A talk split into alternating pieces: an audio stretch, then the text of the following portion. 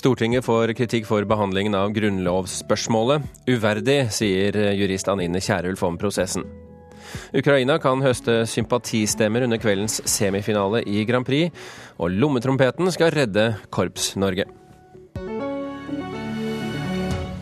Ja, dette er saker i Kulturnytt i dag, hvor du også skal møte kunstneren, nå filmskaperen, Anna Odell, som kommer for å fortelle om sin nye film om mobbingen hun opplevde som barn. Kulturnytt får du med Birger Kolsrud Jåsund i studio. Prosessen med å endre grunnlovsspråket fremstår verken forberedt, konsekvent eller særlig betryggende. Det sier jurist Anine Kierulf. I dag vil, etter alle solemerker, Stortinget vedta at vi får en revidert bokmålsversjon av Grunnloven, i tillegg til en helt ny nynorskversjon. Det er jo ikke en grunnlov verdig å få denne type kompromisser på denne måten helt, helt på tampen.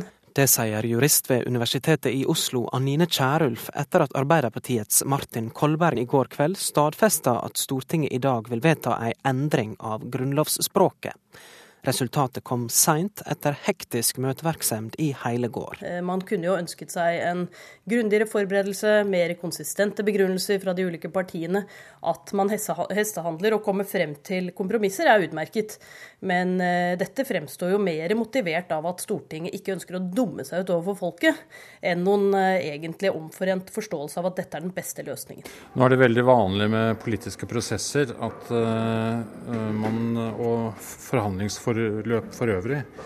Eh, at man ikke finner frem til eh, samlende kompromisser eh, før mot fristens utløp. Det sier Michael Tetzschner fra Høyre. Partiet ønsket i utgangspunktet ikke å endre språket i lova, men kom i går med forslaget som nå blir vedtatt, der en vil få en moderne utgave av Grunnlova på både bokmål og nynorsk.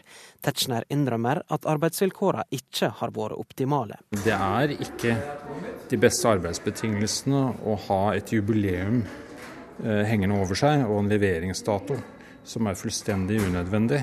Eh, sånn sett er jeg enig i at Grunnloven er for viktig til å legge seg under et sånt kunstig tidspress. Nei, Det har vært en uh, vanskelig sak. Det sier Per Olaf Lundteigen fra Senterpartiet, som har leia handsaminga av saka i kontroll- og konstitusjonskomiteen.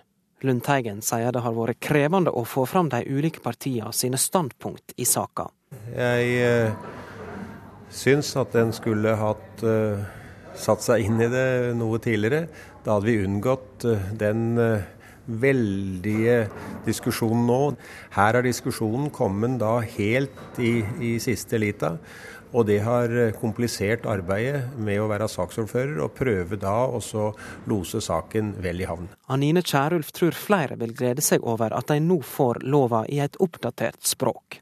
Likevel mener hun at både jurister og folket hadde hatt godt av at stortingspolitikerne utviste det hun kaller større verdighet i handsaminga av Grunnlova Det er jo fundamentet for vår, eh, for vår, nasjon, både politisk og rettslig og symbolsk. Eh, og det forutsetter jo også da at man behandler den på den måten. Eh, ikke bare i festtaler, men også i praksis. Og det kunne jeg ønske at vi hadde sett mer til i forberedelsene til disse endringene. Ja, Det sa jurist Anine Kierulf til reporter Lars Ivar Nordahl. Kulturkommentator i NRK Agnes Moxnes, hva betyr denne grunnlovsendringen? Først og fremst at eh, Grunnloven kommer i en egen nynorsk versjon for eh, første gang nå. Den blir eh, lettere å lese, og det er viktig fordi Grunnloven er jo forutsetningen for vårt politiske system. For de som har hørt på Kulturnytt eh, alltid, egentlig, så har de eh, fått med seg at det har sett mørkt ut for en modernisering. Og det var det helt til i går ettermiddag, egentlig. Hva var det som eh, endret seg da? Altså Det har hele tiden vært et stort flertall for eh, å modernisere grunnlovsspråket i, i, Stortinget. Det uenigheten har handlet om, det er at eh, er spørsmålet om moderniseringen skulle speile sitt eget opphav, altså 1814 og Eidsvoll, eller om man skulle ha et språklig uttrykk à la 2014. Og denne språklige konflikten den delte Stortinget i to. Eh, de rød-grønne på den ene siden og de blå på den andre.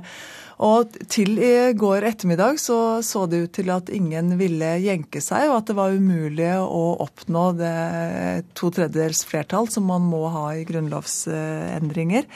Og så var det altså da Arbeiderpartiet som til slutt bøyde av for å sikre at Grunnloven blir eh, lettere tilgjengelig. Resultatet og prosessen er ikke en grunnlov verdig, eh, ifølge jurist Janine Kjærlund, som vi hørte her. Er du enig med henne i det? Altså Det hun eh, sikter til, det er jo at man nå får to utgaver av én og, og, samme lov. Men når det gjelder prosessen, så har jo den faktisk vært veldig langvarig. Professor Finn Erik Vinje han har jobbet med denne moderniseringen i over eh, ti år. Den har vært oppe til debatt i Stortinget tidligere. Og når det gjelder resultatet, så speiler jo det egentlig de faktiske forholdene. At det språklige forelegget for bokmålsutgaven, det er, den er 200 år gammel, mens nynorskutgaven er helt ny, og dermed også da eh, skal ha, vi skal ha et moderne nynorsk ti år lang prosess, sier du. Og likevel så påpeker eh, Michael Tetzschner her at eh, det har vært et kunstig tidspress for å få den ferdig nå i vår. Eh, har de fått nok tid?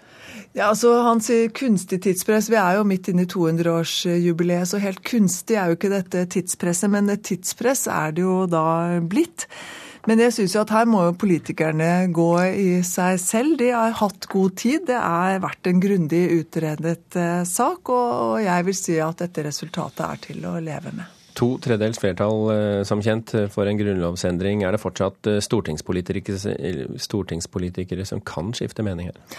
Ja, jeg ser at Abid Raja fra Venstre, som også sitter i, i kontrollkomiteen, han, eh, han, sier i dag at han vil be Høyre skifte og gå for Arbeiderpartiets eh, forslag nå helt på tampen. Han mener at disse to versjonene som du får her, med en moderne nynorsk eh, og et litt mer alderdommelig bokmål, ikke harmonerer. Men, men Abid Raja har vært litt sånn solospiller hele tiden her, og egentlig ikke hatt eh, Venstre med seg. Så man skal aldri si aldri, men, men jeg tror at dette vedtaket Det kommer til å bli fattet et vedtak i Stortinget i dag, og det er helt sikkert gjevt for stortingsrepresentantene, fordi at det er den største grunnlovsendringen noensinne. Og det skal altså da gjøres bare noen få dager før vi skal feire 200-årsdagen til Grunnloven. Men blir det gjevt for oss også? Blir det lettere å lese denne loven nå for oss? Ja, det blir lettere å lese. Det er jo en kort lov, opprinnelig 23 håndskrevne sider.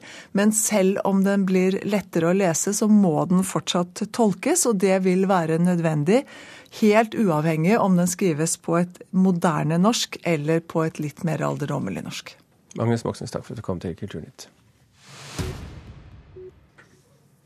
Ukraina kan eh, komme til å høste sympatistemmer under årets Eurovision Song Contest i forbindelse med den politiske konflikten med Russland.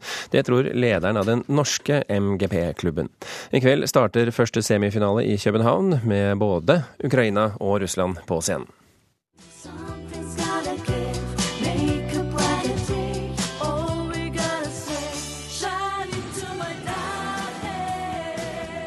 Slik lyder det russiske bidraget. Og det ukrainske holder fram med like lystige toner.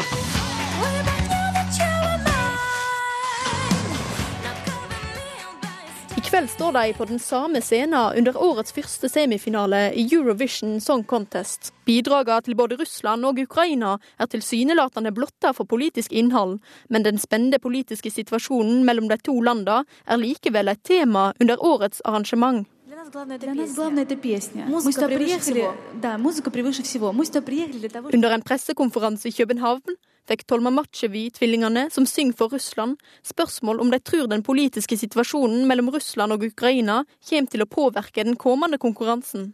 You know, we came here to sing, and the most important thing is to sing here, to perform. So for us, it doesn't matter. Leder for den norske Melodi Grand Prix-klubben, Morten Thomassen, som var til stades på pressekonferansen, sier at de merker den politiske situasjonen. Vi er veldig bevisst på at det skjer noe som er litt, sånn litt utenom det vanlige. Men ellers er Grand Prix-boblen et herlig upolitisk land. Men Maria Jaremetsjuk, som representerer Ukraina, vedgår at den spente situasjonen går inn på henne. it really um, affects me because I will try my best to prove that Ukrainians are a strong nation and uh, conflicts end, but music lives.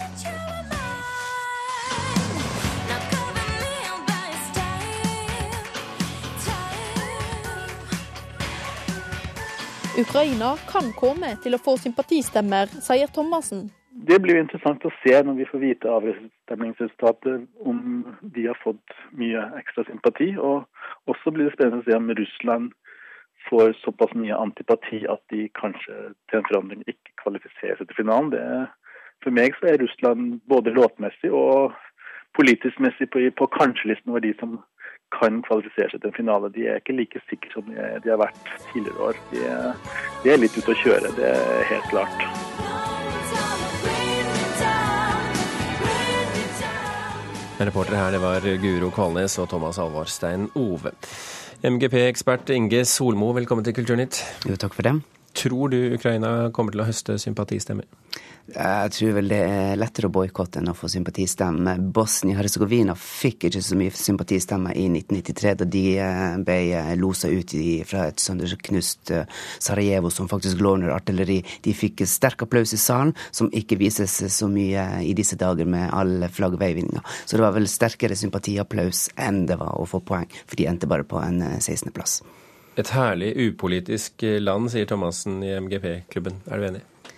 Altså nei, dette landskapet i ja, Eurovision? Nei, det har vel aldri vært uh, upolitisk. Det er vel en særdeles sterk politisk arena, selv om man liker det eller ikke. Armenia hadde jo en sterk politisk uh, låt i 2010. Den var særdeles godt fordekt, men vi i det dumme Vest-Europa, vi forsto ikke det.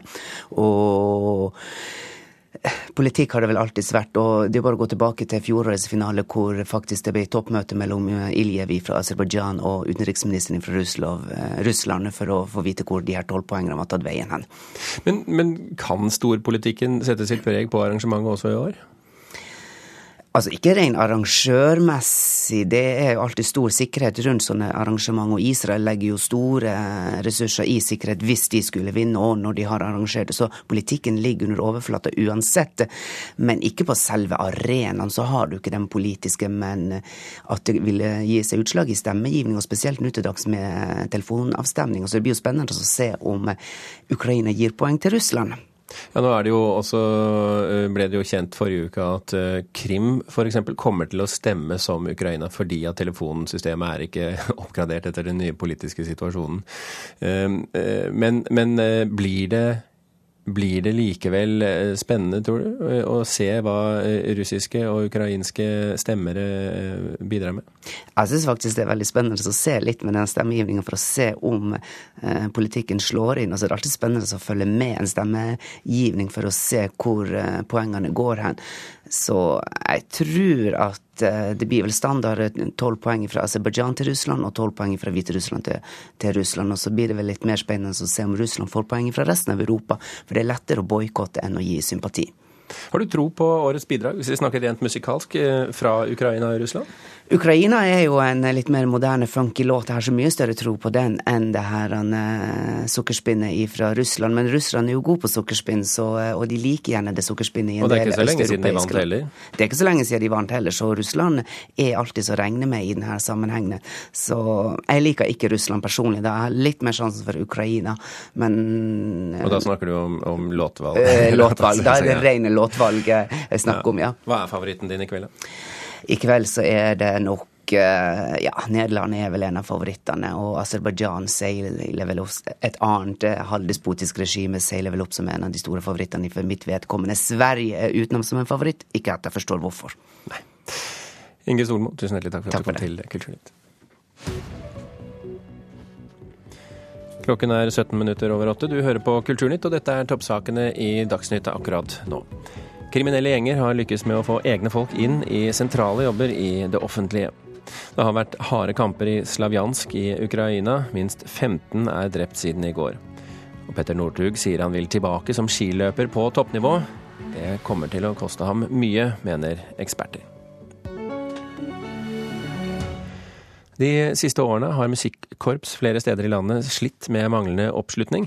I Grimstad i Aust-Agder har korps måttet slå seg sammen pga. for få musikanter, der som flere andre steder i Norge. Men nå har et enkelt prosjekt med lommetrompeter i skolen vekket barns interesse for korpsspilling.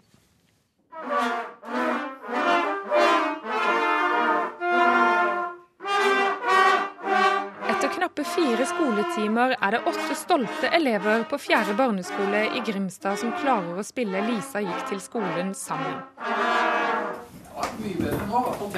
Snart skal elevene holde konsert for familie og de andre elevene på skolen. Veldig bra. Da skal vi gå videre i programmet, dere.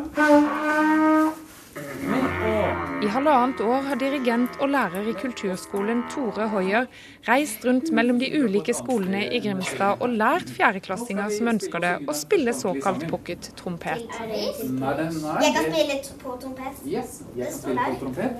Pocket-trompet er rett og slett en fullverdig trompet um, som er uh, satt sammen, som er laga slik at det vil passe små barnehender og barnekropper lett å holde, og det er lett å til og med bære til og fra skolen. Og det ser litt, det ser litt attraktivt ut, tror jeg, for barna. Etter ni undervisningstimer holder elevene konsert.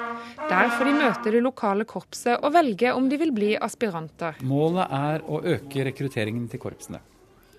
Det er helt klart. Og det har vi allerede lykkes med.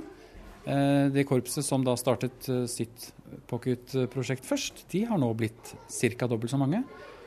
Eh, og det andre korpset som vi har på, på gang her nå, instrumenter fra, de har også allerede nå, på et veldig tidlig tidspunkt, nesten blitt dobbelt så mange. Så det, det skal ikke mer enn dette til, kanskje, for å snu trenden. 1, 1, 12, 12, 13, 13, 0. Det er jo synliggjøring. Ved at barna blir oppmerksomme oppmerksom på at dette går faktisk an. Og at de blir trigga til å eh, både lære å spille denne pockettrompeten, syns det er moro, og så kanskje de da fortsetter å, å begynne å spille på ordentlig. Ja, Jeg syns dette er eh, helt eh, Det er jo så flott at man eh, klarer å få til et sånt løft. Rita Hisjum Lystad er nyvalgt president i Norges Musikkorpsforbund. Jeg blir jo veldig glad når jeg hører dette. Det jeg tror de har klart å lykkes med der, det er mestringsfølelse. Man får altså et instrument i hånda, og man klarer å spille noe, og man klarer å spille noe sammen. Og da gjør det at det blir spennende og morsomt for disse unga. Men selv om de i Grimstad og musikkorps andre steder i landet klarer å snu trenden og øke antall aspiranter, så sliter mange korps fortsatt med å få barna til å bli værende. Vi rekrutterer ca. 10 000 nye aspiranter hvert år. Men Utfordringen vi har, det er at vi ikke holder på dem lenge nok. Vi har en liten turnover. Og Det gjør jo at vi totalt sett mister noen medlemmer. De fleste begynner i korps i 9-10-årsalderen, men mange slutter igjen etter 13 måneder. Nylig bikka antall medlemmer i Norges Musikkorpsforbund under 60 000. Og Det er uh, første gang uh, det har skjedd. Uh, og det, det vi, tar vi på største alvor, selvfølgelig. På fjerde barneskole har pockettrompeten gitt mersmak. Det var litt vanskelig i starten, men nå klarer jeg det. Jeg syns det er veldig gøy. Lage lydene på trompeten og spille på munnstykket og sånn. Og snart er det 17. mai. Reporter her, det var eh, Miriam Grov. Mår er en ny eh, gruppe som hvert øyeblikk kommer ut med sin debutplate, 'Vrangsvevd'. Tre musikere som forenes som et folkemusikkuttrykk i vår tid, med gamle og nye toner om hverandre. Vår anmelder Kjetil Bjørgan er begeistret.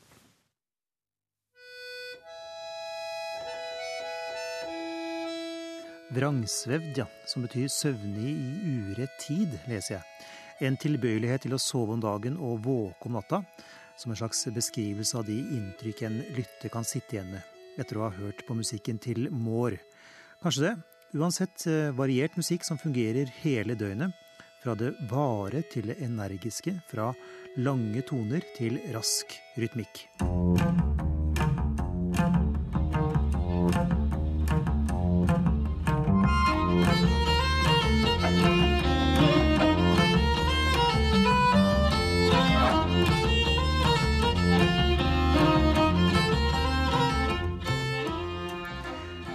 Er en ny norsk gruppe.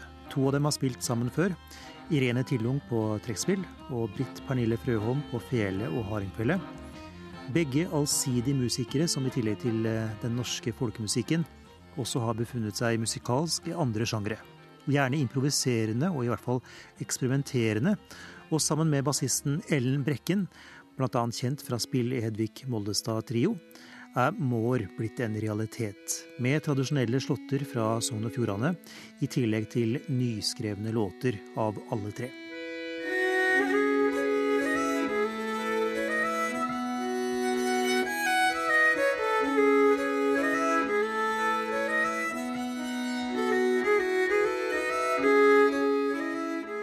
Jeg var klar over kvalitetene til enkeltmusikerne.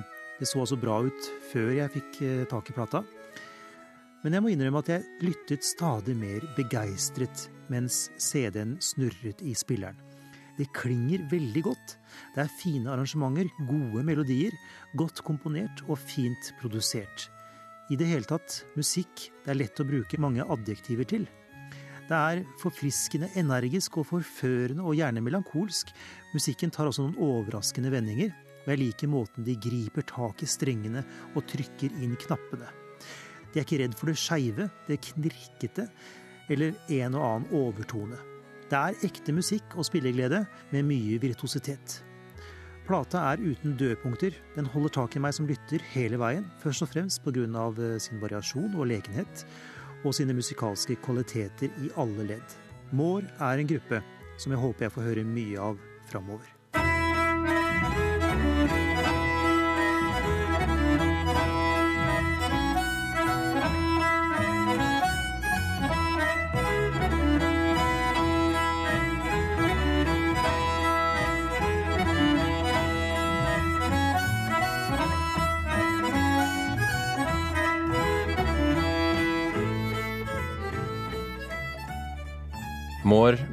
Vrangsvevd, anmeldt av Kjetil Bjørgan. Og så til en ny svensk film. Og er det noe jeg, jeg virkelig ønsker mine egne barn, så er det just denne opplevelsen av å få være en del av, av denne sammenholdningen og, og gemenskapen som vi hadde i vår klasse. Eh, skål, og takk skal ni ha! Skål! Rett i hjertet, Anders. Rett i hjertet. Nå fortsetter festen! Anders! tror at vi har lite olika minnen om vår fina gemenskap.